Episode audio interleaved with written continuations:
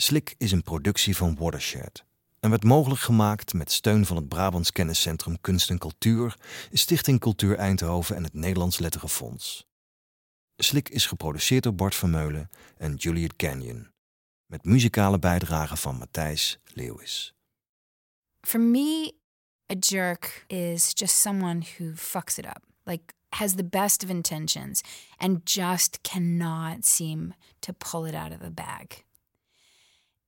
And they might have a number of reasons why, but it's never because they're a complete asshole. It's never because they have malintention or or want to hurt anyone. They just can't seem to get a perspective on the world around them. Welcome to Slick, a literary podcast. In this episode, we were searching for jerks. With pieces by Herman Koch, Henk van Straatse, Simona Taga Bocono, Koen Freins, Jonathan Griffion, and me, Juliet Gagnon.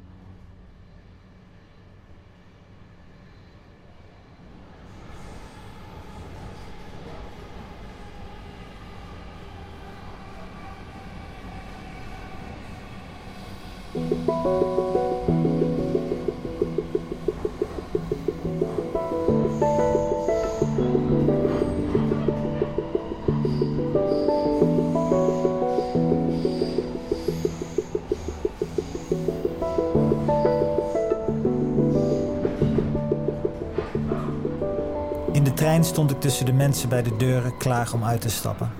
Iedereen was gericht op de deuren, op uitstappen, op doorgaan. Maar één man keek naar mij. Een grote man, ik gok eind 40, grijzend, een polo-shirt. Behoefte en schroom in zijn ogen. Ik wist dat hij me ging aanspreken, dat zijn behoefte het zou winnen van zijn schroom. De trein kwam tot stilstand. En dat korte, pompende geluid vlak voor de deuren opengaan was de klap die hem wakker sloeg. Nu of nooit.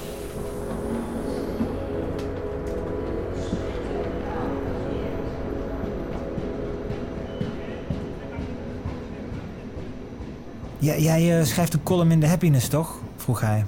Ik knikte, maar van binnen kromp ik ineen. Als iemand me aanspreekt, heb ik dat eigenlijk altijd. Ik noem het sociale smetvrees. Mag ik je wat vragen? Heb je even tijd? Ik zei dat ik haast had. Ik was al bijna te laat voor de eerste kickbokstraining na drie maanden geblesseerd te zijn geweest. En nu zag ik dat wat ik eerst had aangezien voor behoefte in feite wanhoop was. Dat beangstigde me. Mag ik eh, dan even met je meelopen? vroeg hij. Hij sprak snel, nerveus, incoherent. Samen liepen we over het perron. De happiness, zei hij. Ik heb die ook allemaal gelezen, maar ik heb nog steeds vragen. Hij sprak over de happiness alsof het de Upanishads betrof, of de Bhagavad Gita of de Pali Canon. Mag ik eerlijk zijn? vroeg hij. Ik kom niet meer in contact met mezelf. Ik heb het best moeilijk en ik weet niet hoe ik in contact met mezelf moet komen.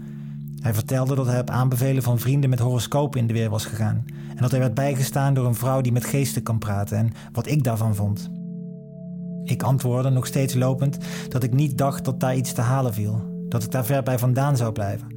Ik probeerde uit te leggen waarom. Het zijn gewoon weer verhaaltjes, uitvluchten. Maar hij leek het niet te registreren en stelde alweer nieuwe vragen. Ik begon halfslachtig over meditatie en over stilte, maar het kwam niet over. Hij was te nerveus en ik had te veel haast.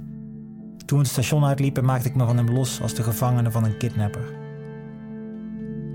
Ondertussen was er een stemmetje in mij. Een stemmetje dat zei: Praat met hem. Neem de tijd voor hem. Ik had koffie met hem kunnen drinken. Tegen hem kunnen zeggen: Er is geen redding en zeker niet ergens anders. Er is alleen hier redding. Hier, dit. Dit is je redding. Jij met al je vragen bent zelf het antwoord. Je kunt niet niet in contact met jezelf zijn. Er is geen jij los van jou. En ook al had hij het niet willen horen, ook al had het hem niet geholpen, ik zou op zijn minst een keer hebben geluisterd naar de hartekreet van een vreemde. De pijn van een vreemde doet een beroep op je, of je dat nu wilt horen of niet. Ik liet de man lopen en ik ging trainen en de training was heerlijk.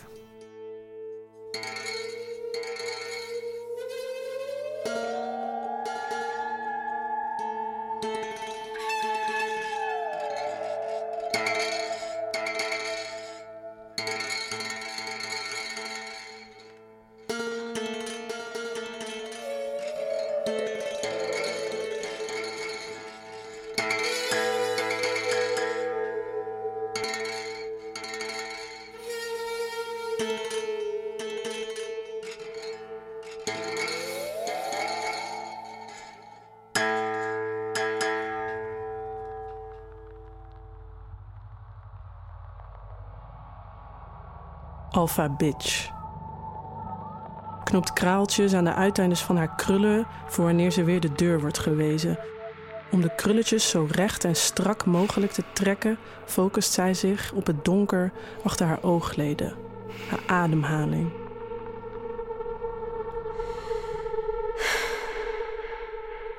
Als ze haar ogen opnieuw opent, zijn ze vochtig. Het vocht knippert ze weg. Alpha Bitch. Verzamelt een roedel om zich heen, domineert de andere alpha bitches op de universiteit, haalt alsnog onvoldoendes en ze smeert met bloed een X op haar buik. Al is het maar om een punt te maken. De alpha bitch kleineert, klakt haar tong als ze de telefoon opneemt en rust niet, maar wacht. Er is een verschil tussen rusten en wachten. Zij weet wat voor verschil dat kan maken. In de tweede lade van haar nachtkastje ligt zonnebrandcrème, glijmiddel en een stapeltje foto's van haar eerste communie. Het feest dat daarna in de achtertuin werd gevierd. Op alle foto's kijkt ze onzeker naar haar vader, die de camera bedient. Haar vader zegt voordat hij elke foto neemt: Lach nou eens een keertje. Dit op een bijna smekende toon die haar nu doet denken aan per ongeluk stappen op een naaktslak, met wollen sokken en een gat in je schoen. Ze doet soms als ze alleen in huis is een lingeriesetje aan en een t-shirt tot net onder haar billen. Dan staat ze voor de spiegel en probeert zichzelf te overtuigen van een noodzakelijk kwaad. Eén keer kreeg ze van een jongen een bos bloemen en moest van schrik huilen. Sprak hem daarna nooit meer, nam ook geen cadeaus meer aan. Alpha Bitch heeft liever de melodie van het dreigement. Deze is beter dan de baslijn die afwijzing draagt. Tussen haar borsten ligt een rustpunt dat ze graag ontwijkt. Een kaal gevreten karkas. Botten verbonden door een lode pijp, de lode pijp verbonden met twee pijnpunten. Vandaar ook het harnas van elastiekjes en strikken, schuin, horizontaal en in sierlijke krullen. Het vlees samendrukkend tot een muur. Het begint met een tapijtje. Je pint het net voor de bank, zodat je voet aan de stof wennen kan. Je kamt het eens per week, op woensdag na het nieuws. Het is een bezigheid waar je niet in falen kan. Je toont het tapijtje aan je moeder, verschuift het misschien een tijdje naar de keuken of onderaan de trap, waar je in de ochtend voorzichtig overheen stapt. Na een maand lang hang je het buiten en kijkt naar scheuren, slijtage en haken. En je weet, nu is het tijd voor een hond. Later denk je nog wel eens terug aan jullie eerste dagen samen. Dat de hond in bed plaste en dat je onderaan de trap vredig op je tapijtje lag te slapen. Je hoort je moeder nog zeggen: Falen is een bezigheid waar je niet in falen kan.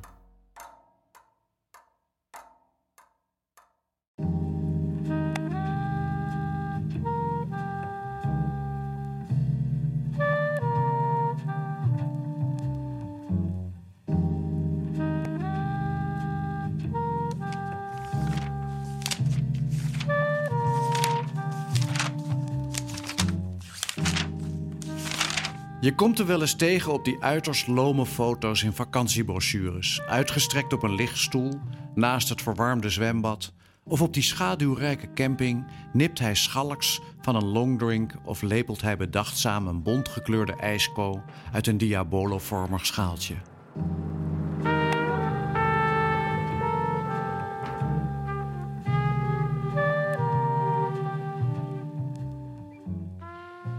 Gehuld in een wit badstoffen zwembroekje dat oogverblindend afsteekt tegen zijn sterk gebruinde huid, speelt hij een partijtje volleybal of badminton.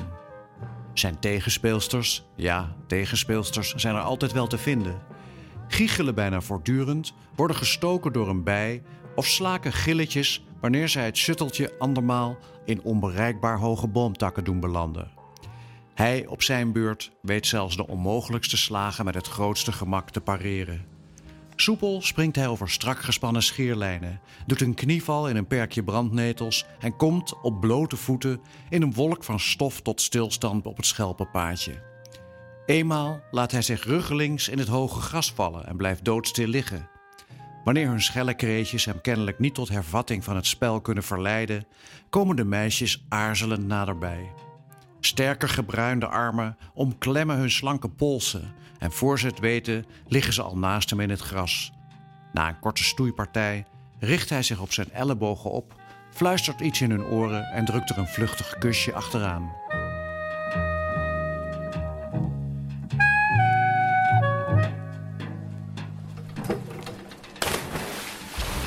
Spatten de druppels met opzet zo hoog op wanneer hij zich met een sierlijke boog te water begeeft? Aan de kant staan weer andere meisjes die hun adem inhouden als hij na een volle minuut nog altijd niet aan de oppervlakte is verschenen. Dan worden zij van achteren vastgegrepen door een druipende gestalte. Nadat hij ze één voor één het water heeft ingeduwd, laat hij nog eens zien hoe je die kleine platte steentjes helemaal tot aan de overkant kunt laten ketsen.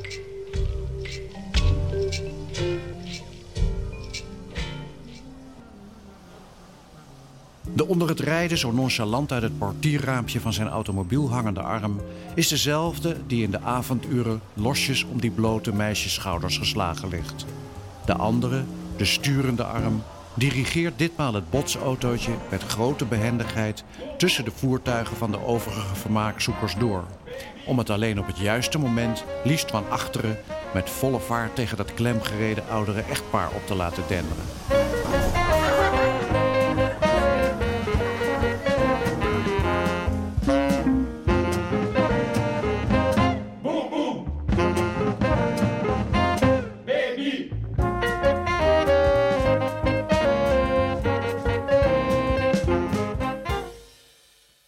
Zijn vrouw, ja zeker, hij is getrouwd en heeft twee kleine kinderen. Zijn vrouw waagt zich zelden buiten de onmiddellijke omgeving van de tent. Niet alleen omdat zij altijd hoofdpijn heeft, maar in de eerste plaats omdat haar huid het zonlicht niet verdraagt. Vandaar ook dat wat malle hoedje van wit katoen, waaraan je haar reeds van verre kunt herkennen. Met ledenogen kijkt zij toe hoe hij, haar man, traag kauwend en met zijn blik strak op de horizon gericht, de stoofpotschotels die zij hem iedere avond tegen beter weten in weer voorzet, naar binnen werkt. Zij beseft maar al te goed dat het dierlijke gegrom waarmee hij veel vaker dan strikt noodzakelijk is, de beide kinderen, drie en vijf jaar oud, tot de orde roept, in feite haar betreft. Behalve dat de jongste van hem altijd met een tuigje om moet lopen, doet hij ook verder geen enkele poging om te verhullen dat hij bij nader inzien toch liever een hond had gehad. Telkens wanneer het kereltje de grens van zijn dresseerarena dreigt te overschrijden, wordt het onmiddellijk weer in het gareel gefloten. Op het klaptafeltje ligt naast zijn bord en met de rug naar boven gekeerd een opengeslagen detective. Straks zal hij deze met een zucht ter hand nemen en alleen nog maar af en toe zijn wenkbrauwen optrekken wanneer zij bij het afruimen een stuk bestek wat al te luidruchtig op de borden laat kletteren. Heeft hij nog plannen om uit te gaan vanavond? Naar de kermis, de dancing, het volleybalveld? Een ogenblik verkeert zij in de veronderstelling dat hij helemaal geen antwoord zal geven. Dan laat hij het boek langzaam zakken en kijkt haar aan. In het felle licht van de suizende gaslamp kleurt zijn huid bijna zichtbaar enkele schakeringen donkerder. Hij rekt zich geeuwend uit. Ik ben moe, zegt hij zacht. Hij is achter haar komen staan. Zij voelt zijn hand over haar schouder, haar blouseje inglijden. Zijn lippen kriebelen in haar nek. Heel erg moe, fluistert hij. Laten we vanavond maar eens een keertje gezellig vroeg naar bed gaan.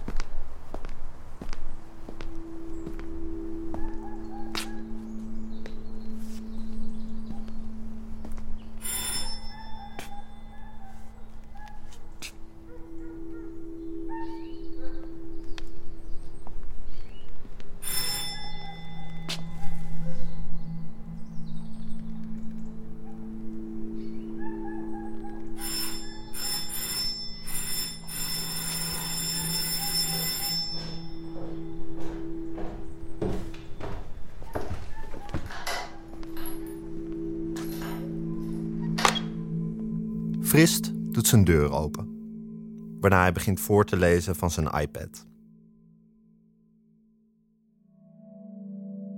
Lief dier. Ik weet niet of het gek is om je dit te vertellen, toch doe ik het. Ik vind dat je een mooi gezicht hebt. Kom eens spreekwoordelijk in mijn armen. Weet je wat ik nu zo mooi vind aan jou, C? Van het geen verte lijk je op een boef. Je lijkt een, nou ja, een kunstenaar.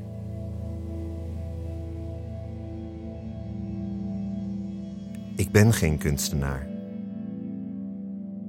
Je kop is goed. Markant. Een markant gezicht, dat heb je. Dat van een lief broertje. Het zal misschien wel frist. Doe dat ding alsjeblieft weg. Maar ik wil je niet de gevangenis in kletsen. Ook voor sympathieke Neandertalermannen is het geen kinderspel om drugs te verkopen. Je zult voorzorgsmaatregelen moeten treffen. Verrijkende voorzorgsmaatregelen. Niettemin vind ik dat we het maar moeten doen. Maar dan moet jij de pakketjes wegbrengen. Ik heb daar het gezicht niet voor. De zenuw ook niet. Ik wil graag even zitten. Heb je thee? Ja? Mag ik die thee? Frist loopt voor mij uit de gang in. Aan de rechterzijde opent hij een deur. Ik zie dat er aan het einde van de gang een geel licht brandt. Al rondlopende raak ik onder de indruk van Frist. Zijn woonkamer heeft iets sobers, terwijl het met alles wat Frist ooit in handen geduwd kreeg, is afgeladen. Frist komt met een boterhamzakje, waar een theezakje in zit, weer de gang ingelopen. Ik heb hier je thee. C, waar ben je? Waar ben je? Oh, daar ben je, zegt hij opgelucht als hij me ziet. Hier, de thee waar je om vroeg, zegt hij. Ik heb ook heet water voor je. Alleen geen mok. Ik heb maar één mok en die is in gebruik. Hij pakt zijn iPad er weer bij en begint voor zichzelf hardop en met een zekere paniek in zijn stem te lezen. Wanneer ik door het raam kijk, valt er een fijne motregen uit de lucht en het is belangrijk om wolken zich leeg te zien regenen. Je moet weten, C, dat je mij intimideert. Ik ben jaloers op je, op je boek en verbolgen over de receptie van je boek en van mijn boek. Ik denk soms aan de dood.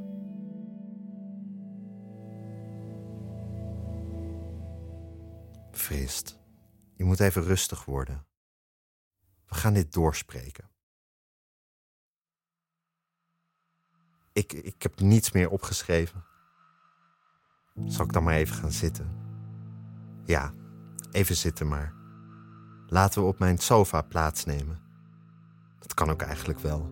Het uh, motregent vaker hier. Dat kan ik later ook nog wel meemaken. Het is zo schel ook buiten. Vind je het niet schel? Ja, erg schel, Frist. Het is erg schel in deze buurt.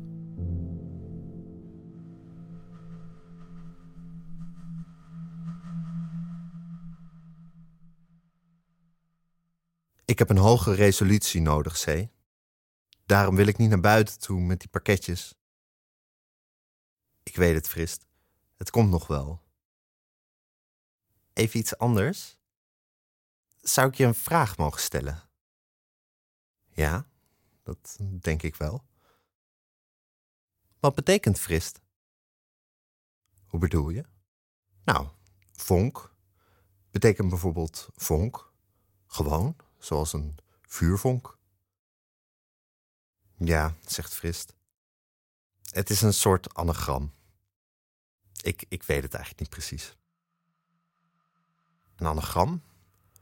Waarvan dan? Van Frits. Het is een anagram van Frits.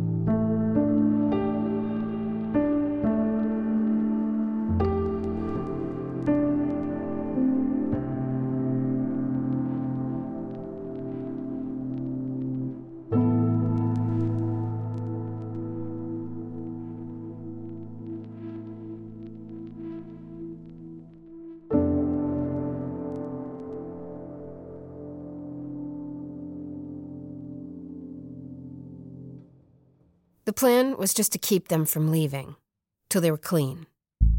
She said my tiny apartment was perfect because there was no place to hide and I could watch them closely while the sludge slunk off. They would sleep at the end of my Murphy bed, and I would guard the door.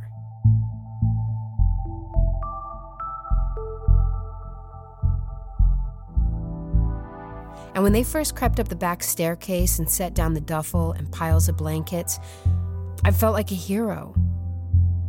And that first night, as they both took their last hit, talking the whole time about how good being clean was going to feel, their love was noxious and totally intoxicating. I watched them like a television show.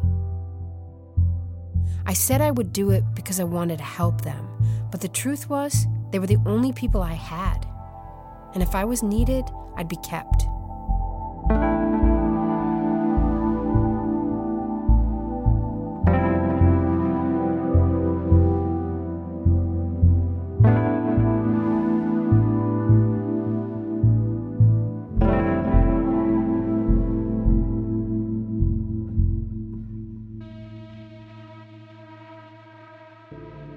It lasted not even two days. By the morning of the second day, I knew that if I left, they would escape.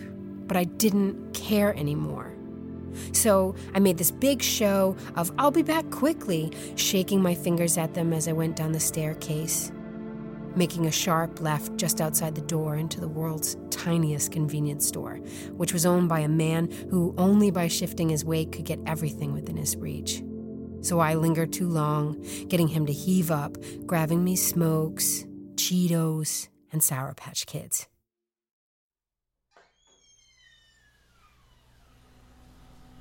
When I got back up, the door was ajar, and the patch pipe that led to the sink had been cut.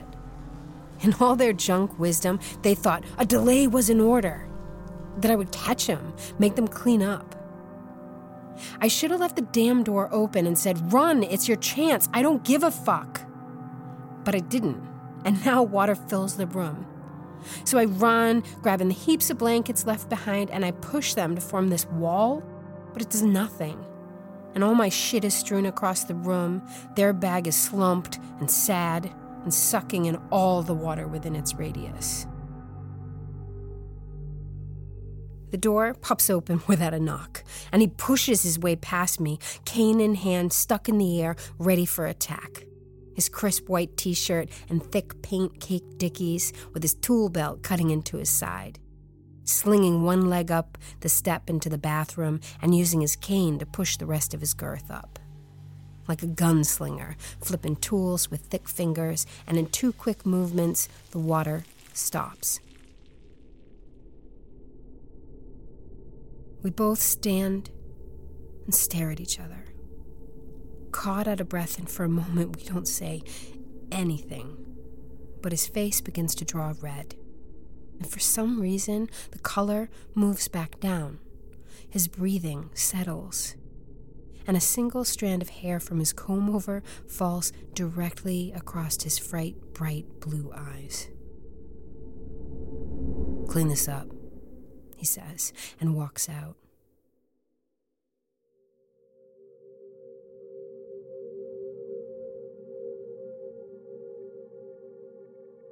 When Steve handed me the keys to this place, he said only one thing just be sure the super doesn't see you. I squeezed those keys and smiled. They had a number two drawn small in Sharpie, his handwriting and I was careful not to smudge it off. And when I arrived by Greyhound, I walked by that door, because it was a cheap plastic number 72 with a gold knob hanging loose in the setting, and as if for effect, a black footprint set firmly in the center. I had imagined somewhere entirely different.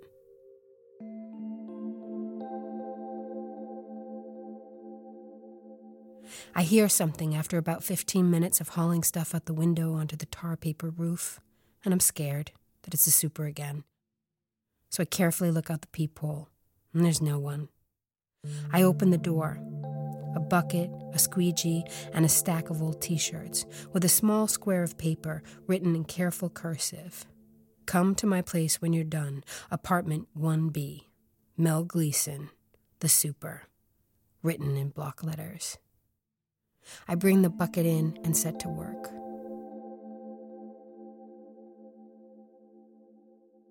An hour later, I stand in front of his door, covered with little handwritten signs about the rules of the house. I look at the peephole, and I have that feeling like someone's already on the other side. But when I press into the little soft plastic buzzer and the MIDI version of the Dukes of Hazard tune plays, it takes ages for him to answer. And when he does, his smile is big, sincere, but hungry.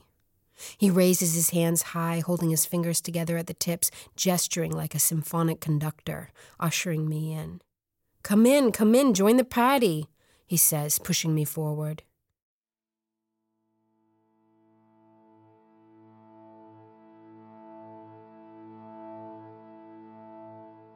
His apartment is just a bit bigger than my studio. The first room, a simple single bed with a carefully folded blue knitted throw. And in the other half, a table in the window with two chairs. There's a radio with a simple tape deck and shelves lined with hundreds of different kinds of pipes. He tells me to take a seat at the window. Beer or Rhine wine? He asks from the kitchenette. Beer, I say.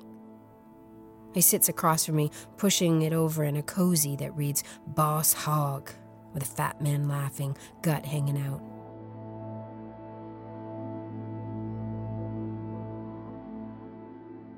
Rather than let myself fall into my own shit, I look out the window and comment on a small bird feeder he's got hanging. Pointless, he says, on account of all the traffic.